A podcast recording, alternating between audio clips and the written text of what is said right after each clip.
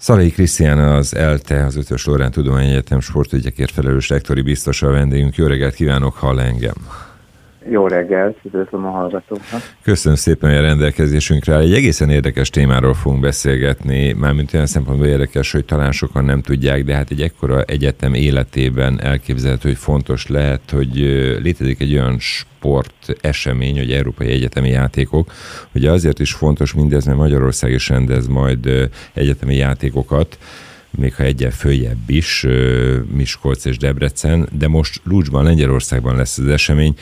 Az ELTE hogy készül, hogy tud készülni egy ilyen egyetemi játékokra?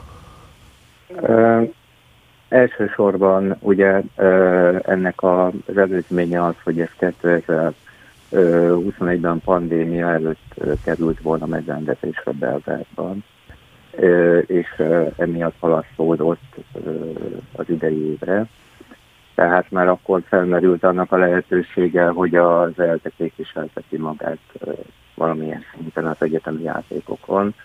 Ugye a sportélet nálunk attól függetlenül, hogy egy tudományegyetem vagyunk, azért elég mozgalmas, szinte napi szinten történnek olyan sportesemények, amiben az ELTE érintett, itt hallgatva az önök adását a vizes végén olimpikonjaink úsztak, illetve ugye a vízilabdázók között is az ELTE sportarca, a Dóri vízilabdázik. Tehát a sportélet az a mindennapjainkat kiteszi, és a Magyar Egyetemi Főiskolai Szövetség felhívására, hogy csatlakozzunk ehhez a nyári játékokhoz, ennek kapcsán egy öt sportág tekintetében 26 fős delegációval készülünk.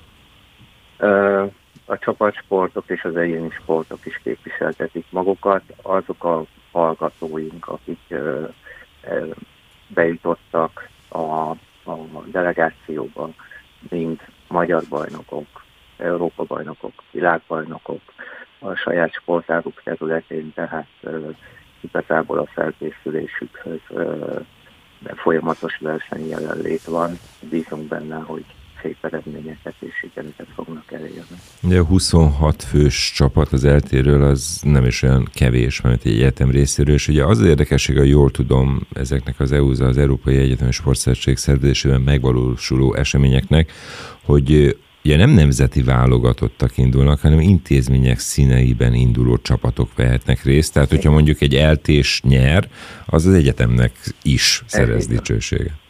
Igen, igen, mi nagyon fontosnak tartjuk, hogy a kiválasztás szempontján is ugye versenysportolókról beszélünk. Tehát ugye a MEFOG rendezvények már ennek ugye az előtt válogatói voltak, tehát akik a Magyar Egyetemi Főiskolai Országos Bajnokságban részt vettek, ott is az intézményi képviseletet látták el.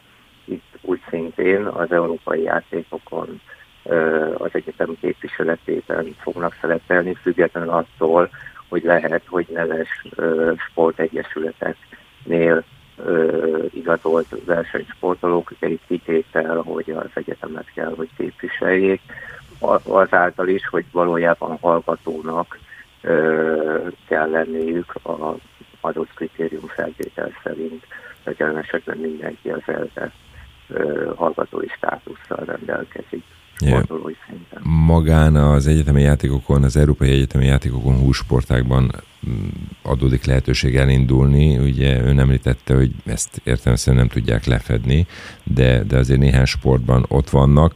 Érdekes egyébként megnézni a listát, én végigfutottam, hogy milyen sporták szerepelnek, most ebben nem akarok hosszabban belemenni, de a mútájon éppenséggel egy picit meglepődtem, de a többi az érthető. Azonban van-e önnek, mint a, az eltén a, a sportügyekért felelős biztosnak arra rárátása, hogy, hogy az egyetemisták a fiatalok körében mely sportágak a legnépszerűbbek? Hát itt az intézményünk felméréseire tudok hagyatkozni. Ugye nálunk a szabadidősport, illetve a tanrendszerinti sportban közel 40 sportát van lehetőség, hogy ezt a hallgatók kipróbálhassák, folyamatosan részt vegyenek, akár kreditért tanrendszerint is felvegyék ezeket a sportágakat. A legnépszerűbbek a csapatsportok, futball, futszál, kosárlabda, illetve az aerobik, és a, a hasonló ilyen testmozgást igénylő heti egy-két mm-hmm. órás sportok, de a harcművészetek, a, a most újdonságként a száp,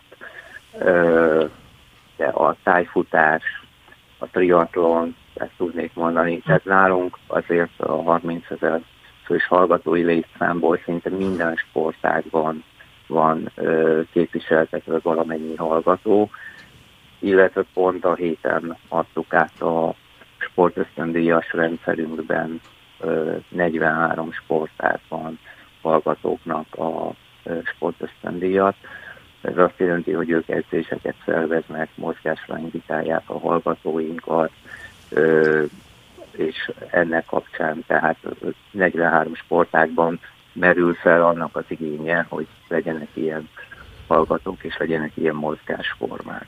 Egyébként a, a 30 ezer hallgatóból, akik közül gondolom sokan levelezősök, de ennek ellenére mennyit tud megmozdítani az egyetem, tehát az egyetem által szervezett, vagy a MEFOB sportesemények, tehát van erre bármilyen mutató vagy szám?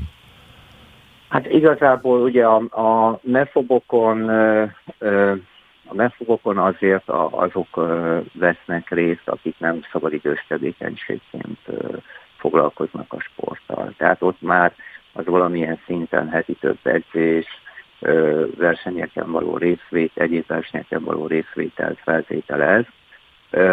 Amúgy a hallgatói felmérések alapján olyan, hát olyan 15% körül van, aki valószínű, hogy mozog. Nem biztos, hogy az egyetem keretein belül mozog, ezt ugye hozzá kell tenni, tehát vannak olyanok, akik ö, ö, nem az ELTE rendszerén belül járnak sportolni, mozogni, ö, hanem ö, saját megszokott otthonukhoz közeleső sportlétesítményekbe, de ettől függetlenül ilyen, ilyen 15% körül van. Értem.